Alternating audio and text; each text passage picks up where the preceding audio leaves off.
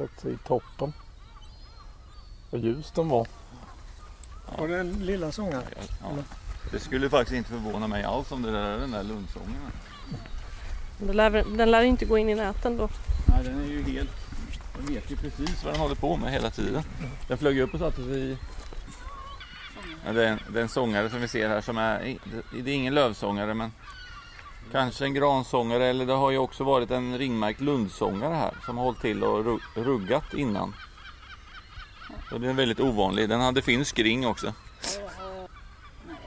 Och det kan ju hända, jag menar här på Nidingen är det ju väldigt mycket så att de här buskagen är ju väldigt skyddande och är man en ruggande fas så kan det ju vara så att man har väldigt svårt för att flyga och då kan det vara bra. Sitter man där inne då kan det ju vara så att man inte ser en fågel som fast den är på platsen. Att den kan vara i flera, flera veckor utan att någon överhuvudtaget uppmärksammar den liksom. För den kryper omkring där inne. Det är ett eget litet grottsystem eller vad man ska kalla det för. Jajamän. Och det är där vattenrallarna här på ön har utnyttjat också och blivit så många.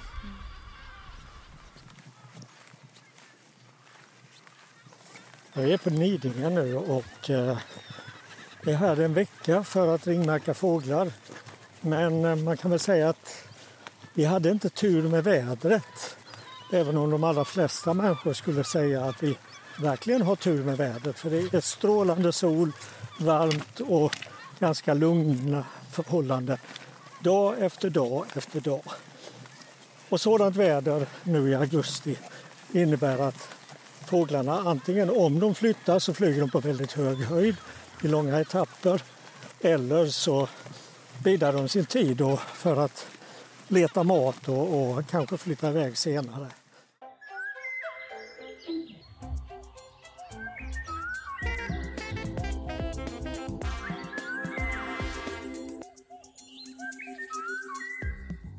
Jag välkomnar till Pippi-poddens avsnitt 48.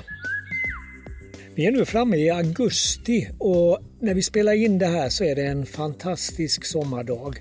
Och vi befinner oss ute på Nidingen, den här lilla ön ute i Kattegatt utanför Onsala halvön, eller norra Halland kan man ju också säga. Kristoffer, ska vi innan vi går in på Nidingen kanske summera lite grann av hur sommaren har varit? Ja, det skulle vi kunna göra. Alltså jag tycker att jag har sett en hel del vadare i sommar på Jätterön en dag så var det faktiskt 25 arter vadare. Många av dem var ju arktiska fåglar som kustpipare, kustnäppa, myrsbo med mera. Och det är så läckert att se de här vadarna i flock och kunna jämföra dem och se hur de samlas i en enda stor flock sådär. Det är lite som att plocka praliner ur en Aladdin-ask. Och du har ju också tittat på vadare, eller hur? Ja, på, både på längden och tvären höll jag på att säga. Men eh, dels så var jag med en fågelkurs på Öland några dagar. Vi lyckades inte pricka in den där stora Vardapassagen som var i slutet på juli. Men det var mycket Vardare ändå och vi hade ett väldigt gott utbyte. Sen har jag haft eh, en Vardarexkursion också i hemmamarkerna och även den gav ett bra utbyte. På alltså bara två timmar så såg vi 16 arter Vardare. Och det får man vara nöjd med i, i hemmamarken. Alltså, ja, jag. jag hade ju veckan före dig eh, också en vaderexkursion och det var ett liknande antal arter. Men det, var, det som var lite roligt var att det kom folk både från Danmark och Ljungby och Västerås. Men det blir ju så i semestertider i Halmstad. Halmstad ja. är ju verkligen en sommarstad. Ja, nu råkade råkar det vara så att den dagen jag hade min exkursion, det var nog sommarens allra varmaste dag.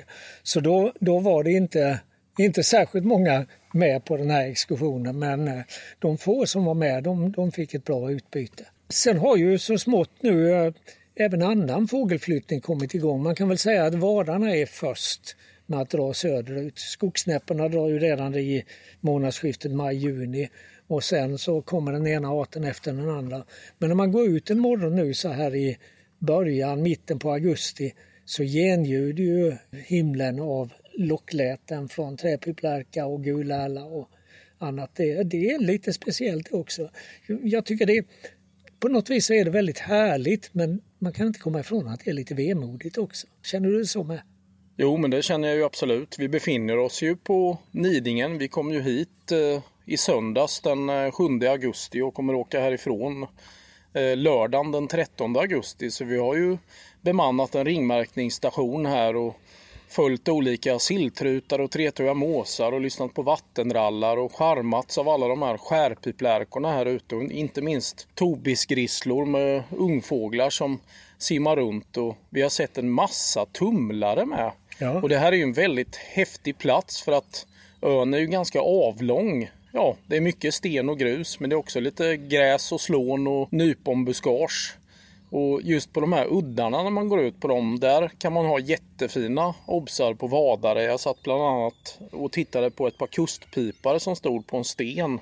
Det är verkligen som att det ser ut som att de är festklädda och ska gå på en fest. Alltså man hänförs ju av de här vadarna och så just kustpiparens lockläte tränger ju verkligen in i själen på något sätt. Och att de då ska flytta från kanske Samoyedhalvön eller Taimyrhalvön ända ner till eventuellt då Guinea-Bissau. Det är ju 5500 kilometer så det är otroliga resor. Och sen sitta på en sån här utpost so- som Nidingen då och se de här fåglarna. Det är ju verkligen vemodigt och fantastiskt på samma gång.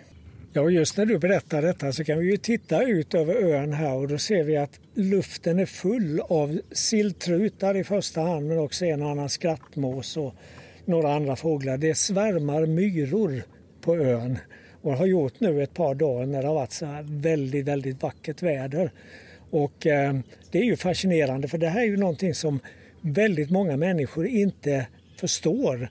Man, man häpnar över att det är massor med måsar i luften som far runt, runt, runt på något konstigt eh, okontrollerat sätt. Men det är ju just att de är uppe och jagar myror då när, när eh, de här vingade generationerna ger sig iväg från myrstackarna eller myrborna. Och, eh, man kan ju också säga att vi har, de här dagarna vi har varit på Nidingen de har ju varit fantastiskt vackra. Vi har nästan badat mer än vad vi har ringmärkt fåglar. Många andra som har varit på Nidingen genom åren har ju varit här under dagar med lite dåligt väder, när det har kryllat av småfåglar i buskarna. Det har det ju inte gjort någon av dagarna vi har varit här.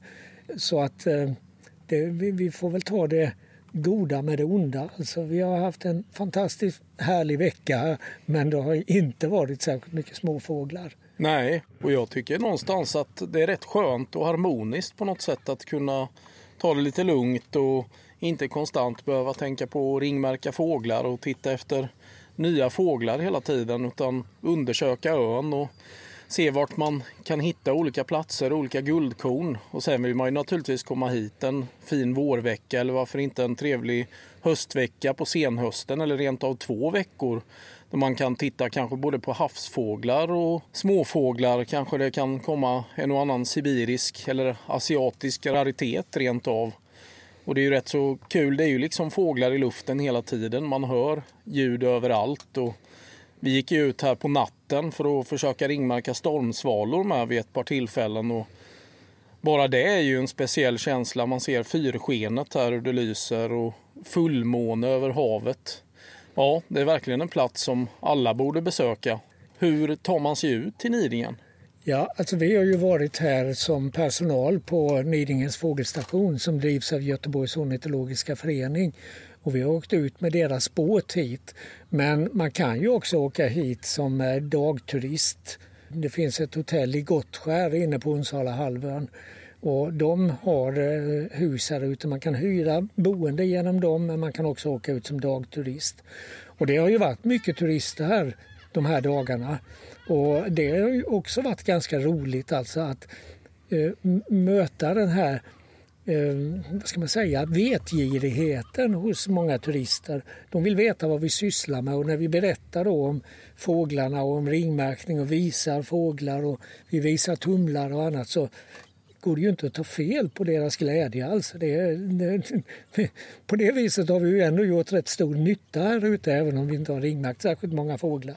Verkligen. Det var ju ett Göteborgsgäng här som eh, blev helt fascinerade av de här tumlarna som simmade där ute. Så ja, det rekommenderas verkligen att åka ut hit till Nidingen. Och det är ju faktiskt en väldigt seriös verksamhet här- också för att varje kväll så skriver ju upp en massa statistik. Vilka fågelarter vi har sett, hur många vi har sett av dem. hur mycket man har lagt tid på att laga nät och reparera andra saker. Och, så det tar ju sin lilla tid kan man säga. Och den, den här väderdatan som man också skriver upp varje dag. Mm. Så det är ju en väldigt seriös verksamhet som vi ska ju prata med både Uno Unger och Tommy Järås om det. Två eldsjälar som har hållit till här på Nidingen under många, många år. Ja, fågelstationen öppnades ju för lite drygt 40 år sedan, omkring 1980. Och eh, det är ju en av de fågelstationer i Sverige, ganska få fågelstationer, som har haft en nästintill obruten verksamhet sedan dess. Det har ju blivit svårare och svårare tyvärr för fågelstationerna att få personal på senare tid. Men här ute på Nidingen har man lyckats ganska bra. Jag tror att det är miljön här ute som spelar in. Alltså man, man är ju väldigt isolerad samtidigt som det är en, en härlig miljö. Nu, nu har vi bara fått uppleva de här vackra dagarna även om vi har haft lite dimma någon morgon här. Men jag kan tänka mig att det är jättehärligt att vara här när elementen rasar. När det ösregnar och blåser och, och är riktigt eländigt. Får man bara behålla ström inne i husen så kan det vara skönt. Jag vet ju att gamla kollegor till mig från, från BirdLife Sverige blev inblåsta och förlorade strömmen här i, jag tror det var fyra dygn. Det kan inte ha varit särskilt roligt, speciellt inte som det här hände på senhösten. Nej, helt klart.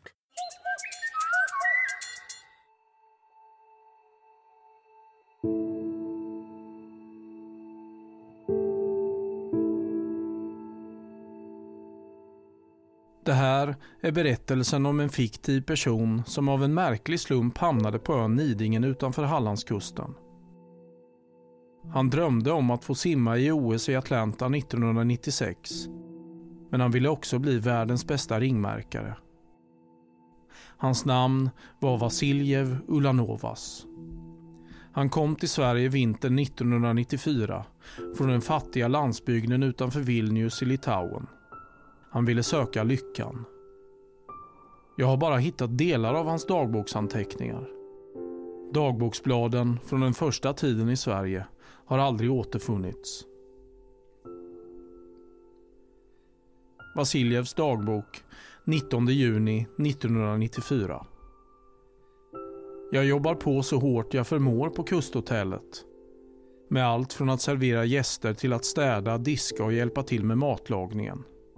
Idag har jag lagat ett par trasiga dörrar och fönster. Arbetspassen är ofta 16 timmar långa. Många av de andra på jobbet har mycket kortare arbetsdagar än jag. Men chefen säger att det ofta är så här den första tiden på en arbetsplats. Du måste jobba på för att lära dig dina arbetsuppgifter. I början tar det lite längre tid, säger han. Men nu har jag ju faktiskt jobbat här i fyra månader. Det är en rätt lång tid. Jag tycker ändå att jag kan mitt jobb väldigt bra. Att köra ut folk till ön Nidingen på dagsturer verkar vara en väldigt lukrativ verksamhet. Det skulle vara roligt att komma ut dit själv framöver och inte bara jobba på hotellet. Idag var det stort ståhej på hotellet då Sverige mötte Kamerun i fotbolls-VM. Matchen slutade 2-2. Det är roligt att se vilket fotbollsintresse det finns i det här landet. Jag tror på något sätt att min framtid ändå finns här i Sverige. Jag älskar att simma och försöker hinna med ett pass i havet varje morgon innan jobbet börjar. Men det är inte alltid så lätt eftersom de långa arbetspassen bara tillåter 2-3 timmars sömn per natt. Imorgon måste jag prata med chefen om det här. Jag tror att han förstår mig.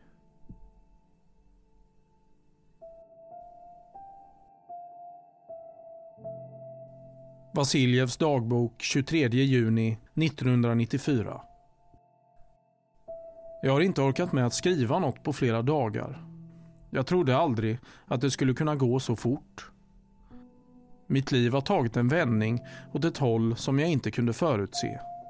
Jag frågade chefen om jag kunde korta ner mina arbetsdagar från 16 timmar till 14 timmar så att jag skulle kunna sova lite längre och på så sätt kunna arbeta mer effektivt. Det gick inte hem. Jag fick sparken på stående fot. Chefen menade på att jag skulle vara tacksam över att överhuvudtaget ha ett jobb på det anrika kusthotellet. Jag fick fem minuter på mig att lämna hotellet. Otack är världens lön, som en gammal bekant brukade säga. Jag förstod inte vad han menade då, men nu gör jag verkligen det. Jag har hittat en gammal övergiven eka bland stenarna på stranden och har bestämt mig för att jag ska försöka ta mig ut till Nidingen. Jag tror att jag är stark nog att ro ut hela vägen. Där ute finns mycket fåglar enligt hotellgästerna. Svarta och vita fåglar med röda gap och dit och fötter är det första man ser vid ankomst till ön, sa någon. De håller tydligen också på med något som kallas för ringmärkning av fåglar. Det såg jag en dokumentärfilm om för inte så länge sedan och då började jag känna ett enormt sug efter att lära mig mer om fåglar. Jag tror att jag är fingerfärdig nog att kunna hjälpa dem att plocka ur fåglarna snabbt ur näten. Jag vet att jag är lättlärd och något ska väl mina flinka pianofingrar vara bra för. Jag har tänkt ut allt. Jag ska göra allt för att bli en i gänget där ute på Nidingen. För det här är nog min sista utväg.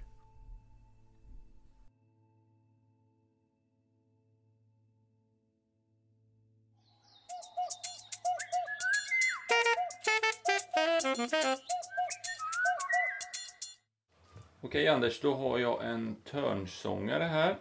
Eh, ska vi ha ringstorlek 1,5. Det är den tredje minsta ringen vi använder och vi använder aluminiumringar.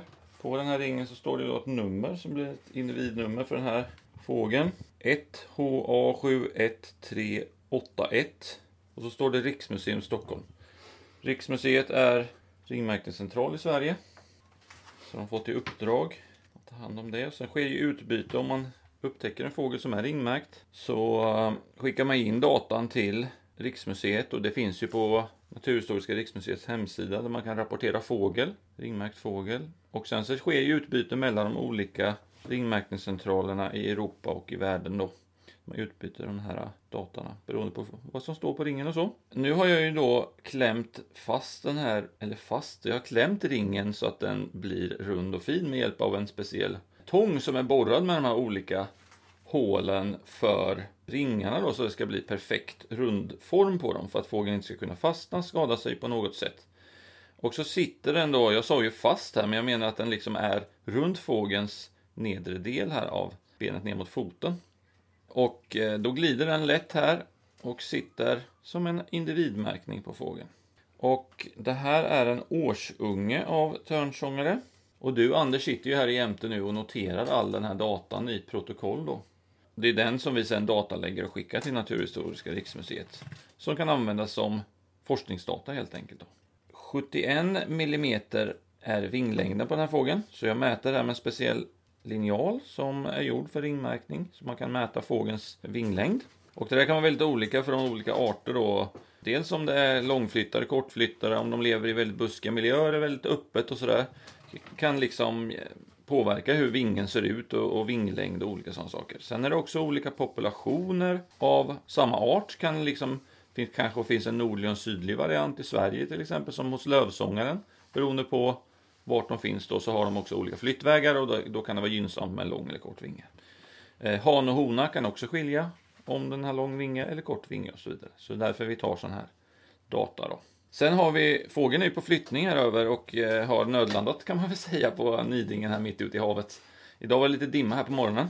Så den här törnsången söker skydd här i, i buskarna här runt omkring. Och så hade vi våra nät där den flög in. För att kunna flytta långt så bygger fåglar upp fett. Och det här är ju en riktig långflyttare törnsångare. Den ska ju långt ner i Afrika, söder om Sahara, ner i Sahelområdet. Det här gröna, frodiga området som ligger där det kommer in regn då. Söder om Sahara. Eh, så den behöver bygga upp massa fett. Så då kollar vi ungefär vilken, vilken status den har just nu. Har den mycket fett då, då kanske den flyttar iväg redan sen i natt igen. Har den inte så mycket fett så sitter den väl kvar här och äter upp sig. Eller alternativt då ser den land in och flyger in till land och äter upp, upp sig då. Och då har vi en skala som är eh, från 0 till 9. Där man blåser undan fjädrarna på buken och i strupen på undersidan om man vänder fågeln liksom.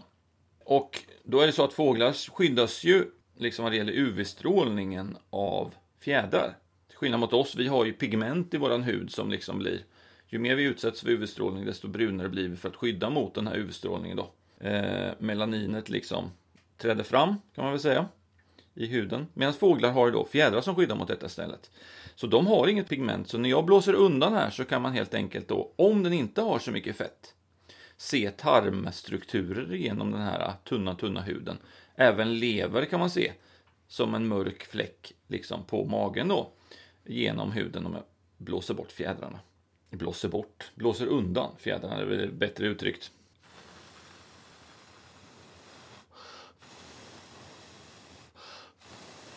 Den här har fett 4, så någonstans mitt i skalan kan man säga. Fettet är så här gulorange. Alla som kanske har tillagat en, en kyckling liksom från början så här så kan man se att det sitter kvar lite så här gult fett på den där kycklingen. Precis den typen av ton är det på det här fettet eh, i, i färgskala om man säger så. Sen det sista vi gör innan vi släpper fågeln och det här, det, själva den här proceduren som ni får höra nu. Nu sitter jag och berättar för er här så känns det som det tar lite tid. Fågeln vill ju vi ska komma iväg så fort som möjligt. Så hade vi inte gjort den här presentationen, då hade det här tagit ungefär en halv minut. Vi liksom snabbt ringmärker fågeln och släpper ut den. Det sista man gör är att man väger fågeln. För att se också, det blir ju som en, också en så här sätt att titta på statusen på fågelns eh, kondition kan man väl säga. Så nu stoppar jag ner den här i en liten burk. Och så har vi en våg som är väldigt exakt. Den tar till och med på hundradels gram. Den här väger 14,8. Vi noterar bara tiondelar. Så 14,8 gram väger den. Sen efter det så är det här på Nidingen så sitter vi inne i ett labb liksom. Och då är det ett hål i väggen rakt ut där vi släpper ut fåglarna. Eh, så det ska jag göra nu. Jag tar fågeln i handen, stoppar ner den här i luckan i väggen. Och så flyger fågeln ut. Såg du den flyga där Anders, genom rutan? Mm, ja, den försvann utan att vi såg den men eh, den har ju lite fina buskage här runt omkring med gott om björnbär. Och eh, det är ju faktiskt någonting som många sångare äter så här på sensommaren när de ska lägga på sig fett väldigt snabbt. Då är det många gånger bättre att äta kolhydratrik mat än att äta proteinrik mat. Så de går över från insekter till bär. Och det ser vi också när vi ringmärker de här fåglarna att de är ofta lite rödkladdiga runt näbben och vid kloaken. Alltså det, hela deras matsmältning eh, påverkas ju av de här bären och de blir lite, kanske ibland lite lösa i magen av det också. Så det är lite rödkladdigt där under stjärten. Men eh, å andra sidan så med hjälp av de här bären så kan de snabbt lägga på sig rejält med fett så att de klarar en resa en bra bit ner i Europa. De här tretåiga måsarna som häckar här börjar ju så sakteliga lämna nidingen. Men det är ju rätt så roligt, det här är ju fåglar som kan bli ganska gamla så vi har ju bland annat hittat en död tretåig mås här som ringmärktes 2009 va? Mm, och den, eh, den hade dött någon gång i sommar att döma av kroppens utseende. Så eh, den blev ju hyfsat gammal, alltså 13 år. Om vi ska prata om att hitta döda fåglar så har det ju funnits en en eh, riktig avigsida här också. Och det är att vi har sett väldigt många döda havsulor här från sommarens utbrott av fågelinfluensa. Och det här är ju havsulor som har smittats i sina kolonier på andra sidan Nordsjön förmodligen. Det har ju varit stora utbrott i brittiska havsulekolonier. Och de här fåglarna har väl inte orkat kämpa emot de här västvindarna som har blåst. Juli månad var ju ingen ingen högsommarmånad precis när det gällde vädret utan det var ju ganska mycket hårda vindar från, från väster och nordväst. Och jag kan tänka mig att en sjuk havsula den, har inga, den orkar inte kämpa emot utan den har blåst med vinden och bara här på Nidingens stränder så lär det ha hittats totalt ungefär 60 döda havsulor. Och jag hörde också en uppgift att det till SVA har rapporterats in 400 döda havsulor i Sverige. Och då kan man ju räkna med att det verkliga antalet är ju mångdubbelt högre. Och detta bara i Sverige. Hur många havsulor har glidit i land på stränderna i Danmark och Norge och eh, de andra Nordsjöländerna. Det är, det är eh, en omfattning på det här utbrottet av fågelinfluensa som är svårt att ta in egentligen. Vi kan ju hoppas att det ändå går bra för havssulornas population för att det finns ju väldigt mycket havssulor i världen. Så att det ändå gör att de klarar sig rätt så bra. Men det har ju också slagit hårt mot alkor som sillgrissla och tordmule och även tärnor då som Kentsk tärna har ju slagits ut i stora delar på en del platser vid brittiska öarna till exempel. Ja, även i Sverige har det varit ordentliga utbrott. Kentsk tärna i Blekinge och i viss mån även i Skåne. Alkor, både sillgrissla och tordmule på Karlsöarna och eh, skrattmåsar lite här och var. Och när du kommer till skrattmås så kommer jag att tänka på pilgrims falk, att de också drabbas av Ja. fågelinfluensan. Precis. För att skrattmås är en av deras största födokällor. Jo, alltså eh, rovfåglar som tar sjuka fåglar, de, eh, de eh, blir ju ofta smittade. Däremot så verkar det ju vara så att när en fågel dör så försvinner viruset ganska snabbt. Så asätarna, eh, de som äter av kadaverna, de, eh, de kan klara sig om de inte går på en alldeles nydöd fågel för då finns ju viruset fortfarande kvar där. Sen kan man ju också fundera över varifrån det här viruset har kommit och hur spridningen har skett. Men det drabbar ju inte småfåglar egentligen va? Det kan säkert drabba småfåglar men spridningen bland småfåglar kan inte vara särskilt effektiv. Utan det är ju i de här väldigt täta kolonierna där många fåglar samlas på en liten yta. Det är där spridningen sker. För att det, det är ju ofrånkomligt att fåglarna bajsar på varandra. Och, och, och viruset sprids nog med, med avföringen i, i ganska stor omfattning. En del insatta virologer de säger ju att den här fågelinfluensan liksom inte har somnat in under de två senaste somrarna som det brukar kunna göra utan den har levt vidare och att det då ska vara oroväckande. Ja, och det är någonting som vi kan befara eh, nu i höst också att fågelinfluensan lever kvar till exempel bland gäss.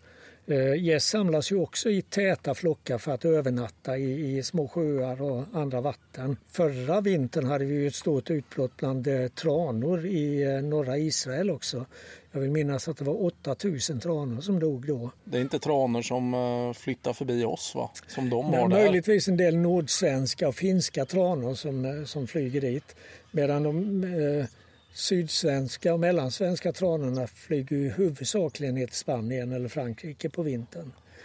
Men, men det jag var inne på tidigare det var också att det verkar ju som att nästan alla fåglar är oerhört känsliga för det här viruset. De dör väldigt snabbt när de har blivit smittade av viruset. Dock så har man ju kunnat se att de änder som gräsand som är de naturliga vad ska vi säga, polerna för det här viruset eller för mycket snällare virus, rättare sagt, av samma typ. De klarar även av de, de väldigt farliga virusvarianterna. Och sen så har det ju spekulerats mycket i, i hur de här farliga virusvarianterna utvecklas. Men det verkar ju som att det enbart sker i stora fjäderfäbesättningar. Eh, jag pratade med Björn Olsen för en tid sedan. Björn Olsen är ju en av de främsta experterna i Sverige på fågelinfluensa. Han är ju dessutom en, en driven ornitolog. Och han sa det att så vitt han kände till så har man ännu inte kunnat konstatera att det utvecklas högpatogen, alltså riktigt farlig fågelinfluensa bland vilda fåglar. Utan utvecklandet av de här farliga varianterna sker i stora fjäderfäbesättningar. Men folk som har mycket fjäderfän hemma eller bedriver verksamhet med sånt, ska de vara oroliga nu? Ja, om de här eh, fjäderfäna kommer i kontakt till exempel med gräsänder eller andra fåglar som uppträder i täta flockar. Men jag tror inte att eh, farorna är särskilt stora nu när vi närmar oss höst för, för spridning till fjäderfä. Alltså. Men om man hittar en död fågel på stranden då är det väl inte bara att plocka upp den med händerna och skicka iväg den till SVA. Det är väl lite bestämmelser kring det ändå va? Ja, man bör ju inte ta dem med händerna utan man ska ta dem, använda handskar. Man ska stoppa ner fågeln så snabbt som möjligt i en plastsäck och sen ska man ta kontakt med kommunalt organ. För det är faktiskt deras skyldighet att ta hand om de här och eh, sen skicka in dem också till SVA. Men, men vi får väl hoppas att eh, det är över för denna gång. Men, men alltså, risken är nog stor, och det sa Björn Olsen också, att det här är nog någonting vi får leva med framöver och att eh, det kan komma att få väldigt allvarliga effekter på vissa fågelpopulationer. En sak jag också tänker på är ju det här med fågelinfluensan och att så många arter har födobrist dessutom. Så man undrar ju om en kombination av de här två kan bli ödesdiger för vissa arter. Ja, fåglar som är i dålig kondition till exempel för att de inte har fått tillräckligt med mat, de är också mer känsliga för infektioner. Det är, ju, det är ju så för oss människor också att eh, får vi inte ordentligt att äta och, och, och så, så blir vi ju mer mottagliga.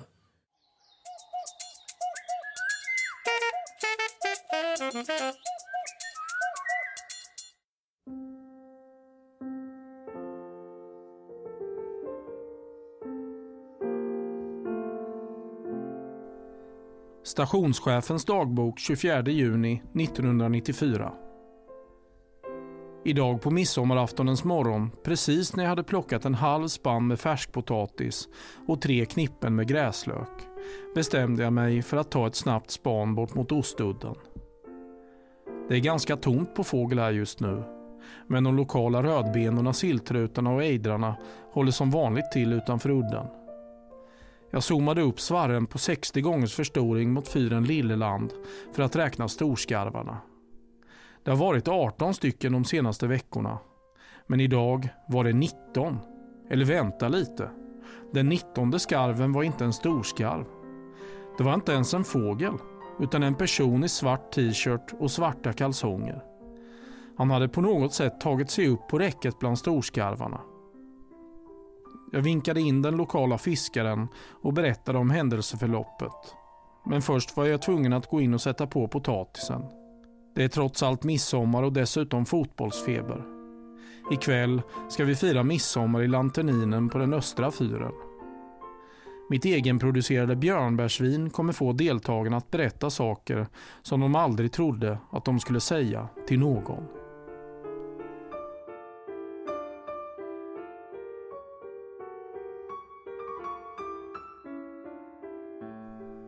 När vi väl kom fram till Lilleland såg vi en eka som låg krossad mot stenarna under fyren.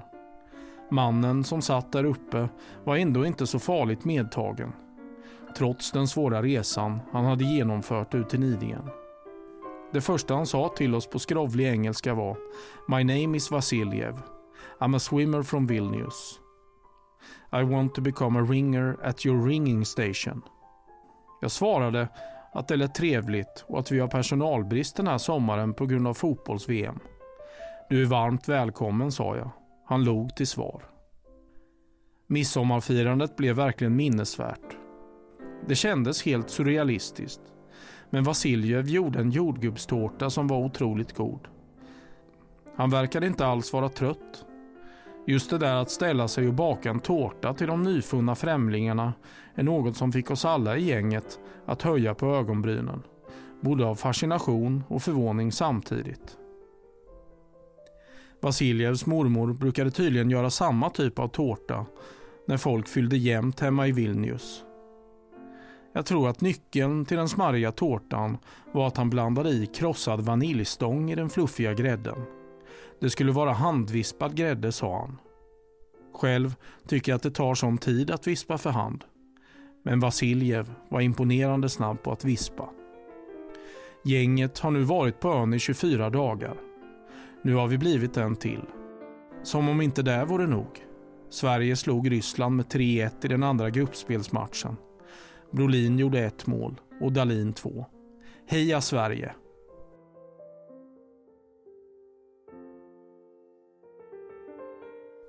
Vasiljevs dagbok 28 juni 1994.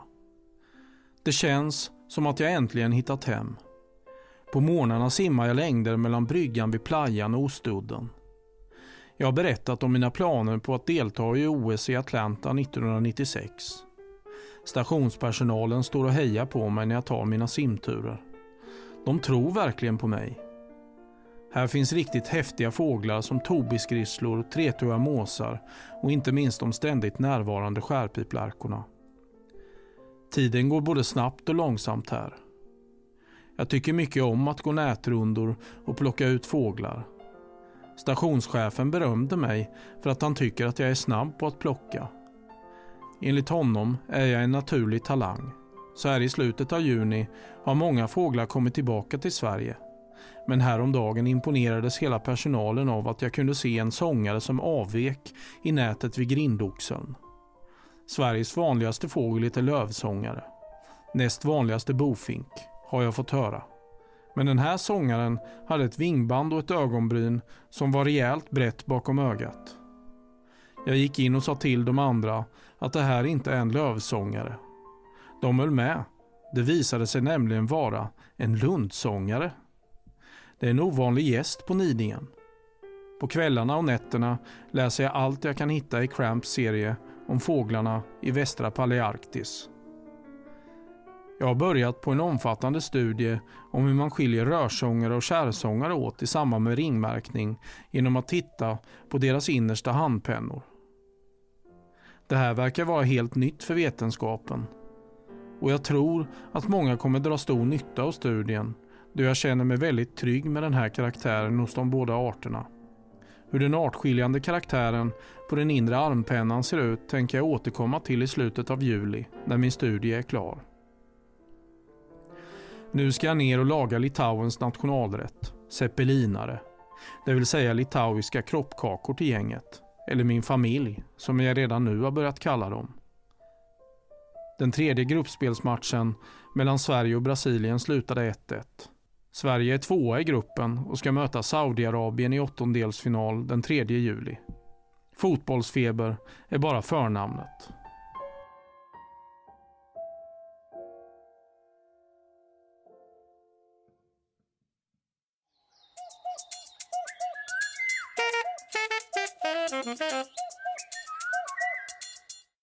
Ja, när man är på Nidingen så finns det ju många fåglar att prata om.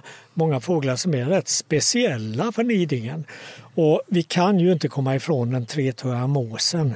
Hur är det med tretåiga mås här nu? Är beståndet välmående eller vad, vad säger du Tommy Järås?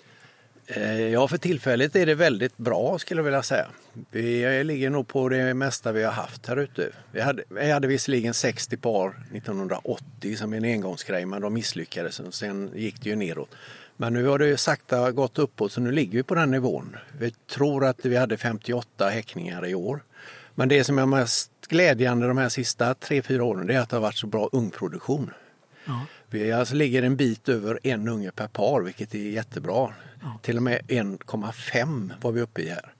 Och man brukar säga för att populationen ska hålla sig enligt engelska undersökningar så ska den ligga på 0,8. I ungproduktion? Alltså. I ungproduktion, ja. 0,8 ungar i genomsnitt. Och det kommer man inte upp i till exempel på brittiska öarna. De har inte gjort på 10-15 år tror jag. Mm. Och eh, här har vi alltså legat väldigt bra så att jag tror att det kommer bli en spridning härifrån inom de närmaste åren. Ja, det är ju spännande. Ja. Kolonisationen här kom ju från Danmark, från en ö ute i Kattegatt. Men de senaste åren har det väl inte funnits några tretåiga måsar i danska Kattegatt mer än högst tillfälligt?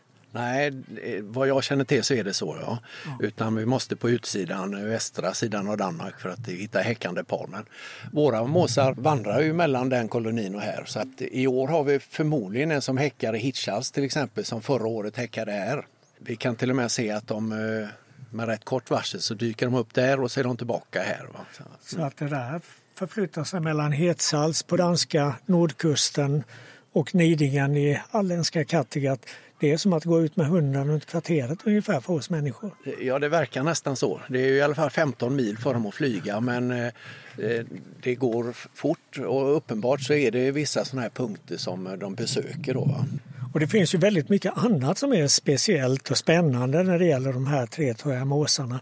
Om jag har förstått det rätt så har ni satt eh, loggar på tretåiga måsar och kunnat följa dem också och se var de tar vägen på vintern. Och det är inte en nästgårds precis. Nej, det är riktigt. 2012 så satte vi på tio stycken och eh, så kom de tillbaka samtliga 2013. Och då kunde vi plocka av de här, för det var man tvungen att göra för att läsa av datan. Då eh, var det tre olika typer av övervintringar. Vi hade någon som hade varit här ute i Skagerrak, Kattegatt helt och hållet. Vi hade några som var på Nordsjön Eh, och gått på, även på utsidan, brittiska öarna och ner mot eh, spanska huvudet. Men sen de flesta av de här, de hade alltså gått över mot Grönland och rundat Grönland och varit på västsidan och sen på vintern hade de gått ner mot Newfoundland och varit utanför där. Fram till februari och så på en veckas tid så, shop, så var de tillbaka här i Kattegatt. En vecka över Atlanten En alltså. vecka tog det att flyga över. Det klarade väl knappast Atlantungarna på den tiden. Nej, det kan nog vara så. Men sen har du också sett en del spännande saker när det gäller deras familjeliv. Man vill ju gärna tro att måsar som är rätt ortstrogna, att de också är trogna i sina par. Är det så?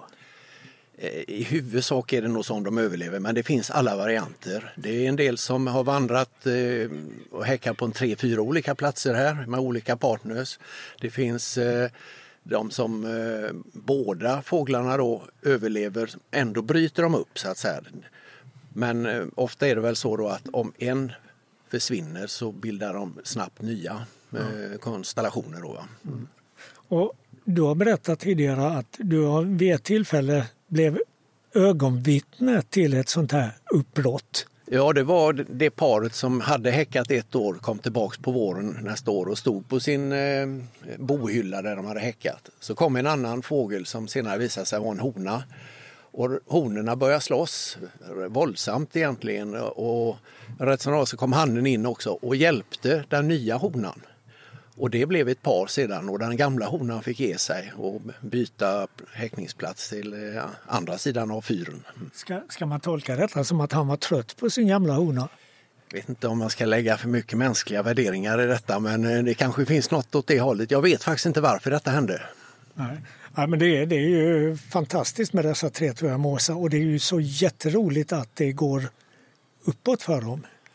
Ja, det var som någon sa att vi, vi har snart mer tretåimåsar här än vad det finns på Rundö i, Norge. Men eh, det, det har gått bra här så att det måste innebära att vi har haft bra med fisk under flera år ute i Kattegatt. För att det går ju samtidigt väldigt bra för tobiskrisslerna och silltrutarna. Så att eh, eh här är ungefär tusen par häckande fiskätare som har gått riktigt bra för flera år. Och när vi ändå är inne på det så måste jag ju fråga dig om den här ön som vi kan se uppe vid horisonten när vi tittar norrut, den som heter Hallands Svartskär. Där har det ju också hänt någonting väldigt spännande på senare år. Ja, där bildades ju en skarvkoloni för, ja vad kan det vara, 15 år sedan kanske eller något liknande. Och eh, när vi besökte den för, tror det nu kan vara fyra år sedan eller något sånt, så visade det sig att det var sill, eh, sillgrissler som häckade mitt inne i skarvkolonin. Då var det ungefär 20 par och i år när jag var där ute så var det ungefär 100 par sillgrisslar som häckar. Och det är alltså, vi, vi har inga mer eh, eh, längre norrut. Alltså. Vad vi känner till så finns det inte någon häckande till exempel i Bohuslän. Nej, Fascinerande.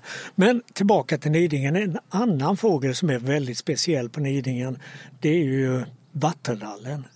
Och det där, jag kommer ihåg en gång på ett SOF-styrelsemöte för kanske ja, uppemot 20 år sedan när Dennis Kraft kom till ett styrelsemöte. Dennis Kraft är ju en av de här verkliga nidingarna. Och han sa det att vi har en ny häckfågel på Nidingen. Ni kan aldrig gissa vad det är för något. Och det var ingen som kunde gissa det. Och vad gör vattenrallarna på en sån här ö utkastad mitt i havet där det mest är bara sten? Ja, det kan man verkligen undra. Eh, vad lever de på? Jag tror de lever mycket på eh, gråsuggor och liknande som springer i eh, markvegetationen här. Men det måste uppenbart vara väldigt gynnsamt. Och sen på nätterna, de är ju nattaktiva väldigt mycket. Va? Då springer de ut på tångvallarna. Det ser man om man går ut med en ficklampa på kvällen eller sånt. Så springer det små möss ut i, eh, i tången och det visar ju sig vara vattenrallar. Då. Så att eh, föda finns här uppenbart för dem. Och, och vi ska väl också säga det att det är ju inte bara sten här utan här finns ju också väldigt, väldigt täta buskage. Slånbuskage till exempel som jag aldrig ens skulle kunna tänka mig att försöka ge mig in i. Det, det har väl kanske betydelse också, de här väldigt täta buskagen. Det har det säkert. Vi har aldrig lyckats hitta ett bo, så vi vet inte hur de eh, ser ut, bona ens. Om de hänger dem uppe i eh, slånet eller vad de nu gör. Vi, det är en art som vi gärna skulle vilja att någon satsade lite på. Ja. Ta reda på hur de rör sig här och så. Mm. Men att, att de häckar här det fick vi ju ett bevis på idag när vi hittade en illa medtagen unge som låg på en stig här. Någonting hade hänt med den och den dog efter en kort stund. Men den var ju alldeles nykläckt så här i augusti. Kan det vara så att de har två kullar också? Det är nog inte omöjligt, men eh, jag kanske mer tror på att de gör flera försök och häckar ungefär som strandpipar och annat gör. Att de kan ju lägga en tre, fyra kullar.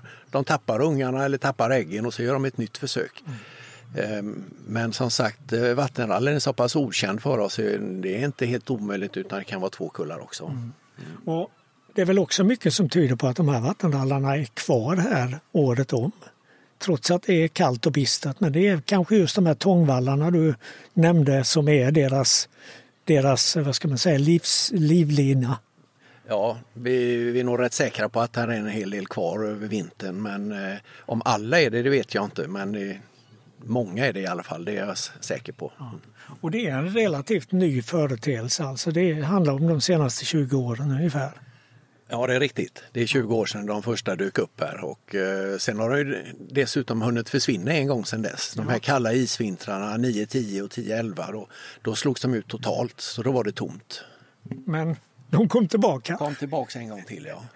Och nu så har ni hur många par ungefär om du ska ja, våga dig på en gissning? Det är en väldigt grov gissning men någonstans kring 15 skulle jag gissa. 15 par, ja. Man blir ju onekligen förvånad när man går där och plötsligt hör en skrikande vattenrall inifrån ett snår. Ja. Och det behöver ju inte vara stora snår. Och man ser ju inte dem för det ändå. De är fantastiska på att smita undan och gömma sig. Det är bara små låga buskar så skriker det till. Ja. Ännu en art som vi bara måste prata om det är ju tobisgrisslan också. För det är ju också en art som är lite grann av en karaktärsfågel här på Nidingen. För det, de, de finns här runt ön och i ganska stor mängd. Hur, hur många par tobisgrissla häckar det? Eh, vi tror att det häckar ungefär mellan 150 och 200 par. Eh, men här ligger ju mycket mer fåglar på våren. I år tror jag att högsta räkning vi hade var 800 individer. Men det brukar stämma rätt så bra om man tar högsta man kan räkna under våren och så delar det med fyra så har man ungefär hur många par som häckar här. För att eh, den där överskjutande delen tror vi är ett, två, tre och fyraåringar som inte har gått till häckning än. Mm. Och därför så får man väldigt stora antal och det kan vara lite lurigt om man ska försöka inventera tobisgrissla genom att räkna antalet och tro att det bara delar med två så får man antalet par. Så enkelt är det inte. Och dessutom är det väldigt viktigt när man räknar dem. På dygnet och under säsong. För att eh, skulle man räkna dem klockan sju på morgonen och det är lugnt, då får man max så att säga. Räknar du dem klockan 12 samma dag, då är det nere kanske i hälften. Och räknar du klockan fyra på eftermiddagen så ser du inga. Nej. Mm. Var är de då någonstans? Ja, då har de gått ut sina fiskevatten. Så att då försvinner de härifrån ön. Och det kan vara ganska långt från ön. I alla fall får man ju den uppfattningen när man ja. är här. De bara försvinner ut, ja, ut över havet, långt bort. Ja, vi vet inte var de fiskar. Nej. Vi skulle hemskt gärna vilja ta reda på det. Nej. Och den, den naturliga häckningsplatsen för tobisgrisslor på många håll i Sverige det är ju i stenskravel, inne under stenar och så. Men här häckar de ju också i konstgjorda boplatser. Hur kom ni på det, att ni kunde bygga bon åt dem? Jo, det, det var ju Uno Unge som började den här undersökningen redan 1970 här ute. Och eh, då fanns det ju mycket fiskelådor som drev i land här. Och eh, då märkte man ju det att eh, det låg under eh, upp och ner på vända fiskelådor eller annat bröte som var inspolat så häckade de. Och då konstaterade vi det efter ett tag, ja, kan de häcka en sån då kan vi göra konstgjorda bon till dem så att de är lättare att hitta och så. Så nu har vi, ja vad är det, 70-80 lådor och det är bra beläggning i dem. De lyckas dessutom lite bättre än de vilda. Ja. Eller ja, de som häckar under stenbro. Ja, mm. Men ni har en viss predation på tobisgrisslorna också, har jag förstått. Vad, vad, vad, är det för något som tar tobisgrisslungar? Ungarna tas av trutar. Vi har haft vissa år havstrutar som specialiserar sig på att ta ungar om det är lite storlek på dem. Men eh, kråka har också varit besvärlig. De går in och tar små ungar eller tar äggen. Så de går in i de här lådorna ja, då? Alltså. De kan både gå in i lådor och de, och de eh, går ju lätt in under stenar och sådär och, och rotar. Så att eh, det har vi haft bekymmer med. Men sen är det precis som många arter att det finns vissa specialister. Då. Så vi hade till exempel några havstrutar som stod och passade här ute. Och när det då en gammal tobiskristla kom för att mata, då möts de ofta av ungen som kommer utspringande mot öppningen. Och då passar havstruten på att vara framme och snodde de här ungarna. Va? Nu har ni ju ringmärkt väldigt mycket, många tobisgrisslar, både vuxna och unga. Vet ni var de tar vägen på vintern? Ja, de lämnar inte Kattegatt. De eh, finns allihop i Kattegatt. Vi har eh, ett antal hundra återfynd. Men eh, tre stycken ifrån Bohuslän tror jag. Alla de var i ett oljeutsläpp för länge sedan. Vi har en som har rundat Falsterbo och lyckats ta sig till Trelleborg. Så, och sen finns det ett fynd från England som är helt tokigt så att det är något fel med det så att säga. Det, men resten är alltså inne i Kattegatt ja. alltihop. Så de är kvar här på vintern alltså ja. i våra vatten? Ja. ja. Men de går långt ner i danska vattnen, gör de ju. Där är de flesta på vintern. Är det rimligt att tänka sig att de går över huvudsakligen till den danska sidan av Kattegatt? Det är ju grundare vatten där. Kanske bättre fiskevatten? Ja, det är nog inte omöjligt. Det är svårt att bevisa det från återfynden kanske men eh, det, det är en rimlig tanke ja. Mm.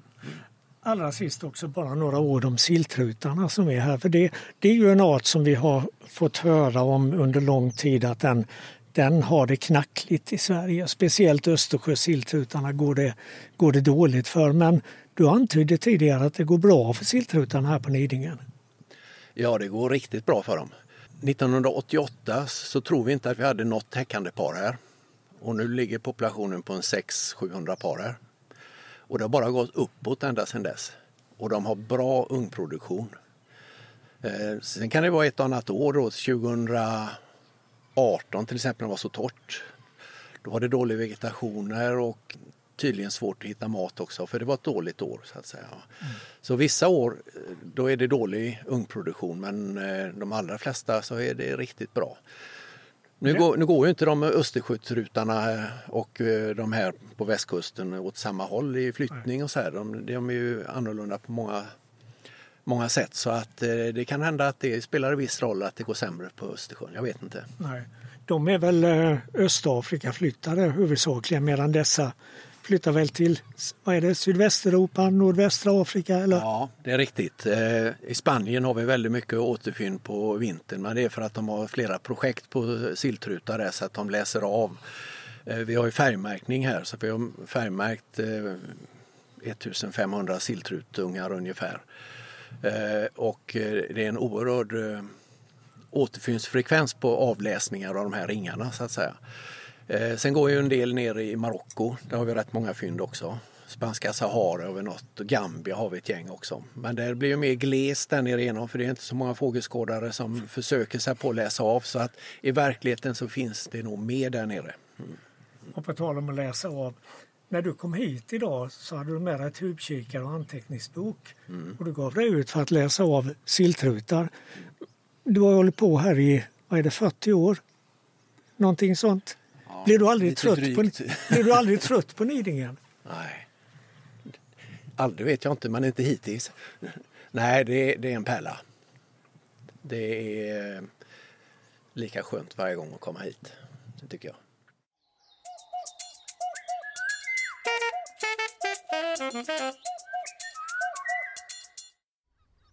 En liten vadarrapport från Ostudden.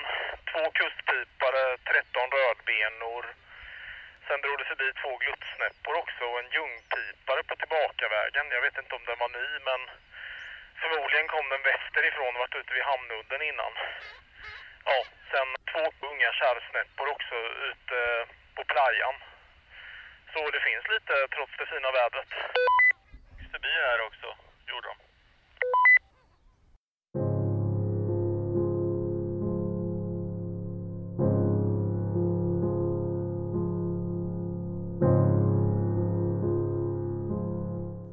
Stationschefens dagbok 3 juli 1994. Under morgonen ringmärktes 32 ungar av tretåig mås. Det var Vasiljev som ringmärkte alla och han tog alla mått själv. Han ville att jag skulle dubbelkolla så att alla ringar satt rätt och att måtten stämde. Jag måste ändå säga att jag aldrig stött på någon som lärt sig hantverket med ringmärkning och artbestämning så snabbt som Vasiljev tidigare. Det är som att han hållit på med det här i 50 år. Allt är så självklart för honom på något vis. När jag frågar honom om han ännu inte har hållit på med ringmärkning tidigare skrattar han bara högt, skakar på huvudet och ler det där obetalbara leendet som bara han kan. Jag har börjat klocka Vasiljev när han simmar runt ön under kvällarna. Idag slog han sitt tidigare rekord med 21,8 sekunder. Sensationellt. Har vi alltså fått börja stifta bekantskap med ett underbarn likt Mozart eller Einstein. Jag börjar nästan misstänka att så kan vara fallet. Sverige vann med 3-1 över Saudiarabien och gick vidare till kvartsfinal mot Rumänien som sensationellt slog ut Argentina. Hur ska detta sluta? Idag om en vecka vet vi om de lyckas ta sig till semifinal. Vasiljevs dagbok 7-8 juli 1994. Det andra gänget motsatte sig det högljutt när jag idag erbjöd mig att tömma latrinbrunnen. Jag gjorde det ändå, grävde djupt med grepen. Det blev sju skottkärror som jag hävde ut i sydvästra delen innanför Stengärdsgården in till potatislanden. Sedan hämtade jag fem skottkärror med tång och hällde ut dem över skiten för att kväva lukten. Efteråt tog jag ett bad och satte mig sedan en stund i lanterninen på den västra fyren. Solen värmde så gott i kvällningen när jag tog mig en lur på en av bänkarna. Helt plötsligt väcktes jag av att något dunsade i fönstret. Jag tittade ner mot marken och där låg en slags svala. De andra höll på med dagens rapportering för fågelstationen när jag kom in med fågeln på kontoret. Deras ögon blev stora som bowlingklot när de såg vad det var. Jag sa, jag tror att det är en taggstjärtsseglare. Jag hade sett bilder på den i Cramps böcker inne på kontoret. De andra bara skrek och skrek, så jag förstod att det var väldigt ovanligt att se den här fågelarten på ön. Tydligen i hela Sverige. Den hade tyvärr inre blödningar och dog ett par minuter senare. Men gänget hade fått ett kryss sa de. För alla hann se den medan den levde. Jag förstod inte vad ett kryss var. Tänkte att det var bokstaven X i alfabetet. Men stationschefen förklarade att de hade fått en ny art som de inte hade sett tidigare. Således ett kryss i listan. Jag fick genast sätta mig och skriva en så kallad raritetsrapport för att fyndet skulle kunna publiceras. Stationschefen visade mig hur rapporten skulle fyllas i. Den påminde lite om en deklarationsblankett, tyckte jag. Gänget och jag drack sedan flera flaskor av stationschefens björnbärsvin från förra året. Det var så sött och gott att dricka av i kvällningen. Den här sommaren måste vara den varmaste på mycket länge tänkte jag när jag somnade. Dagen efter var taggstjärtseglaren borta. Likaså raritetsrapporten jag hade börjat skriva på. Jag letade och letade men taggstjärtsseglaren måste ha försvunnit under fyllan. Ingen i personalen hade heller tagit någon bild så det hela var minst sagt märkligt. Stationschefens björnbärsvin var inte bara sött, det var väldigt starkt också. De andra sa att det nog inte blir trovärdigt att skicka in en rapport utan någon form av dokumentation på seglaren. Så det var bara att släppa den. En i gänget blev väldigt arg och stod och skrek ett tag vid kruthuset. Jag frågade de andra varför han hade blivit så arg och fick förklarat för mig att det finns fågelskådare som kan ta det väldigt hårt om de inte får räkna en art på sin lista. Här kunde jag förstå frustrationen då det ju faktiskt var en taggstjärtseglare vi hade sett. Nu när jag tänker efter så minns jag att vi kastade upp den i luften på fyllan för att se om den kunde flyga. Just då kom en havstrut och tog den i luften och flög ut och satte sig för att äta upp den på klockfotsrevet. Som det kan bli.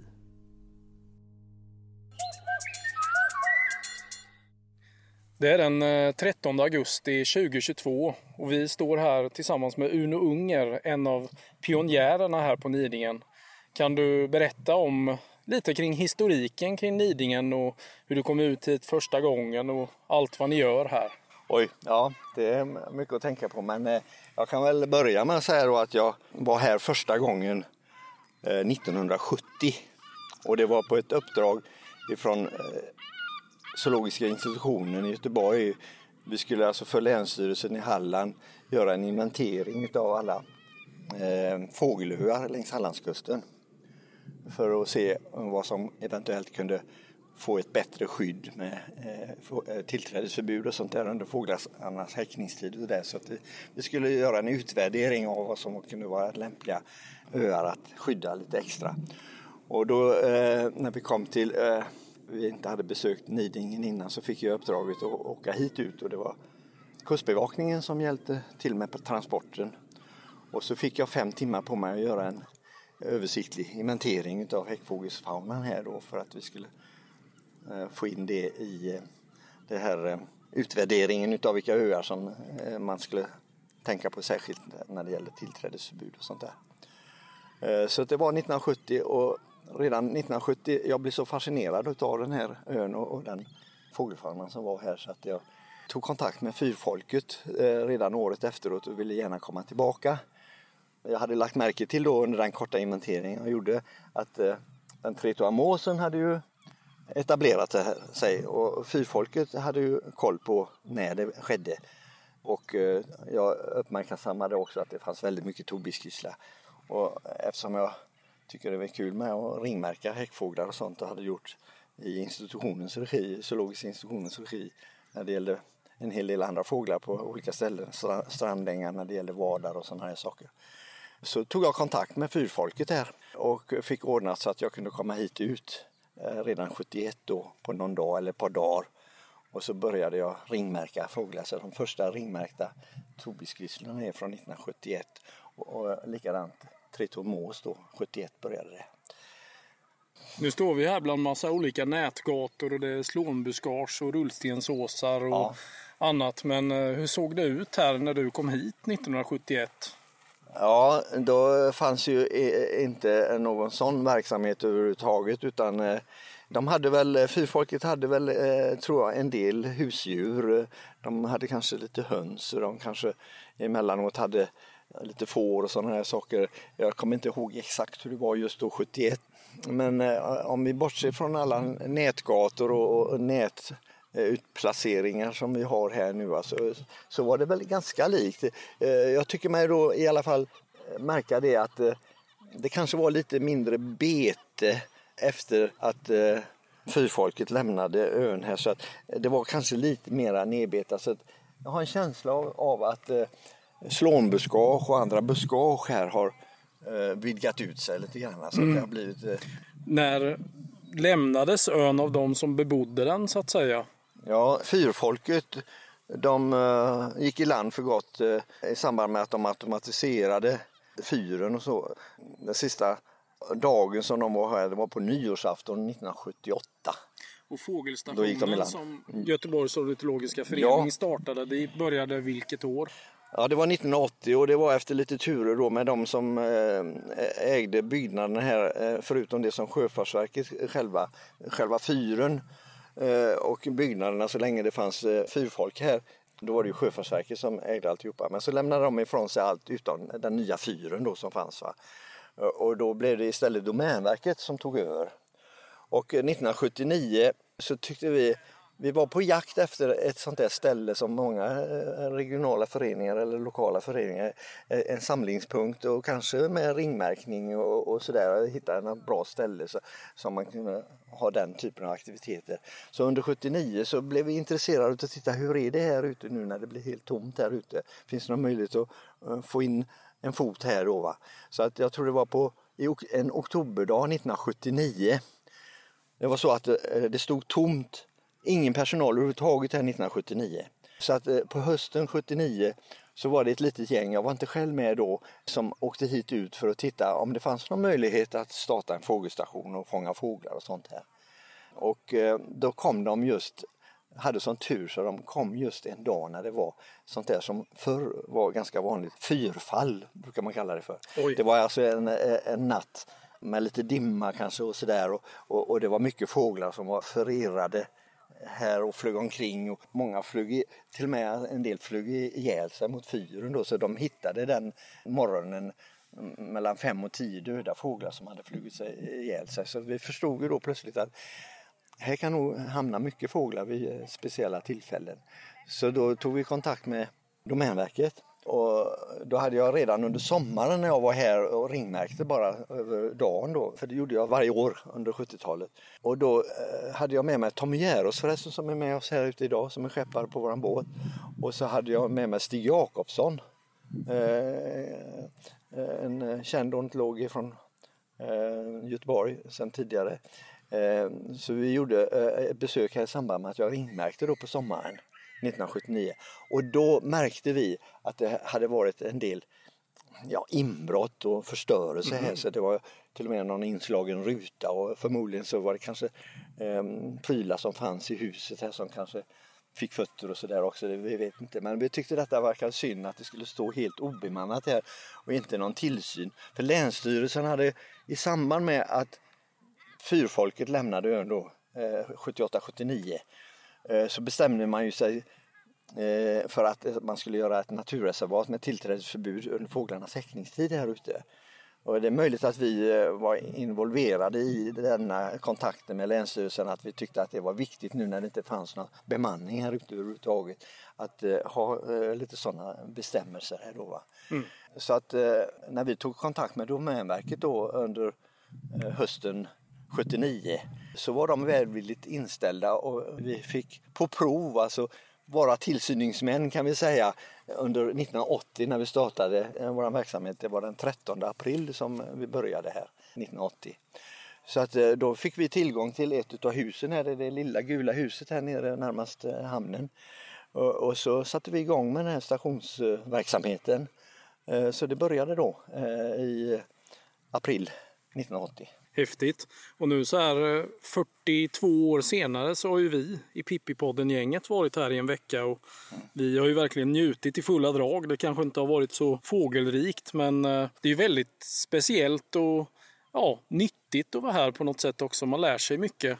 Ja, så jag återvänder ju gärna tillbaka hit igen. Mm. Gärna under en höstvecka eller en eh, majvecka kanske rent av. Ja, om, om du får välja själv en vecka, vilken, vilken tid är det allra bäst att vara på Nidingen?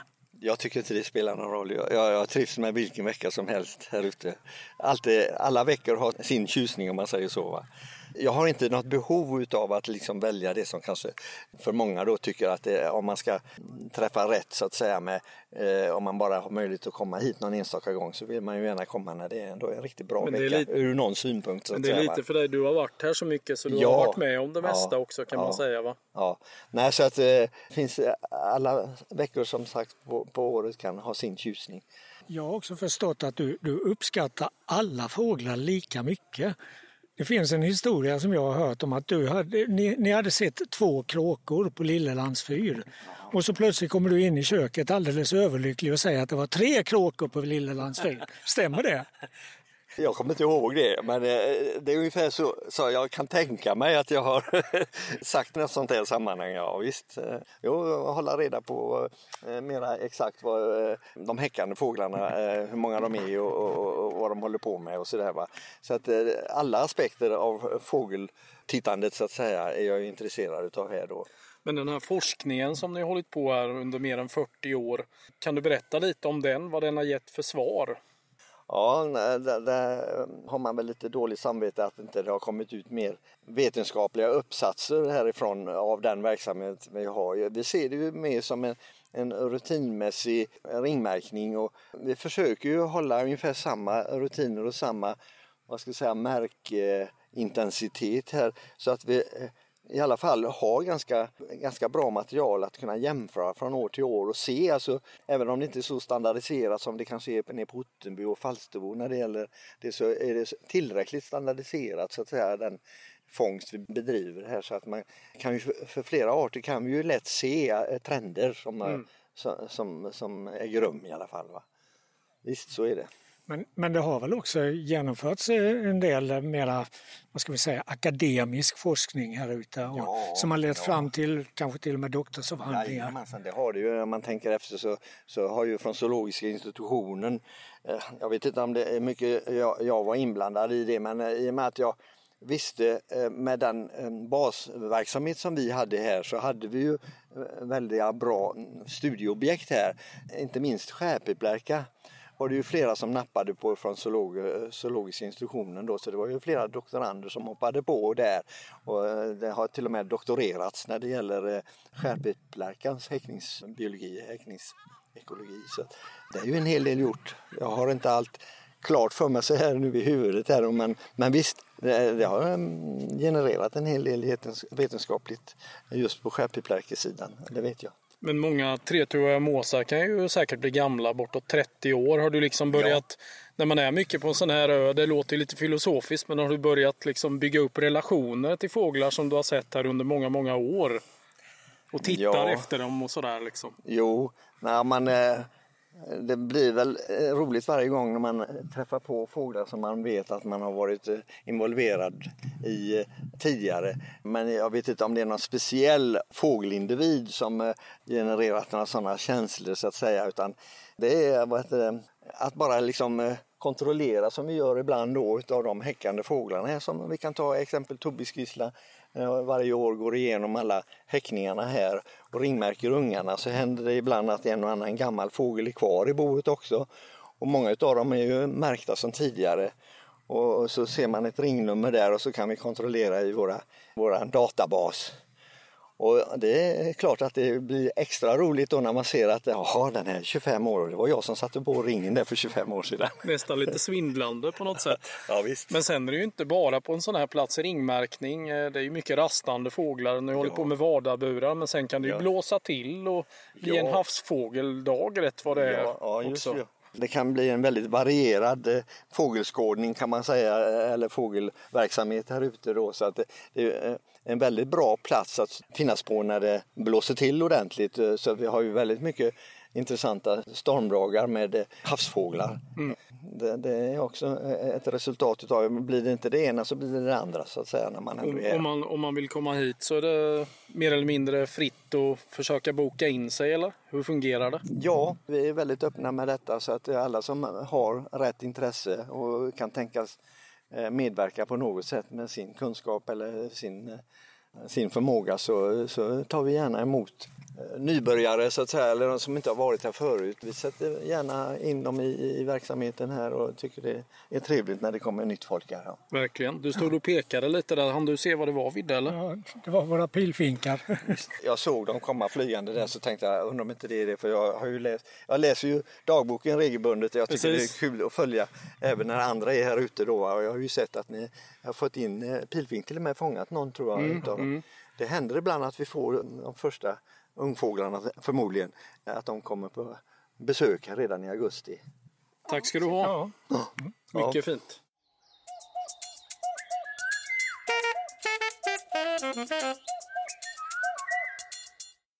Då lider både denna Pippipodd och vår vistelse på Nidingen mot sitt slut. Nästa gång vi hörs då blir det kanske i samband med Falsterbo Bird Show. Precis, lördagen den 3 september ska vi ju medverka där.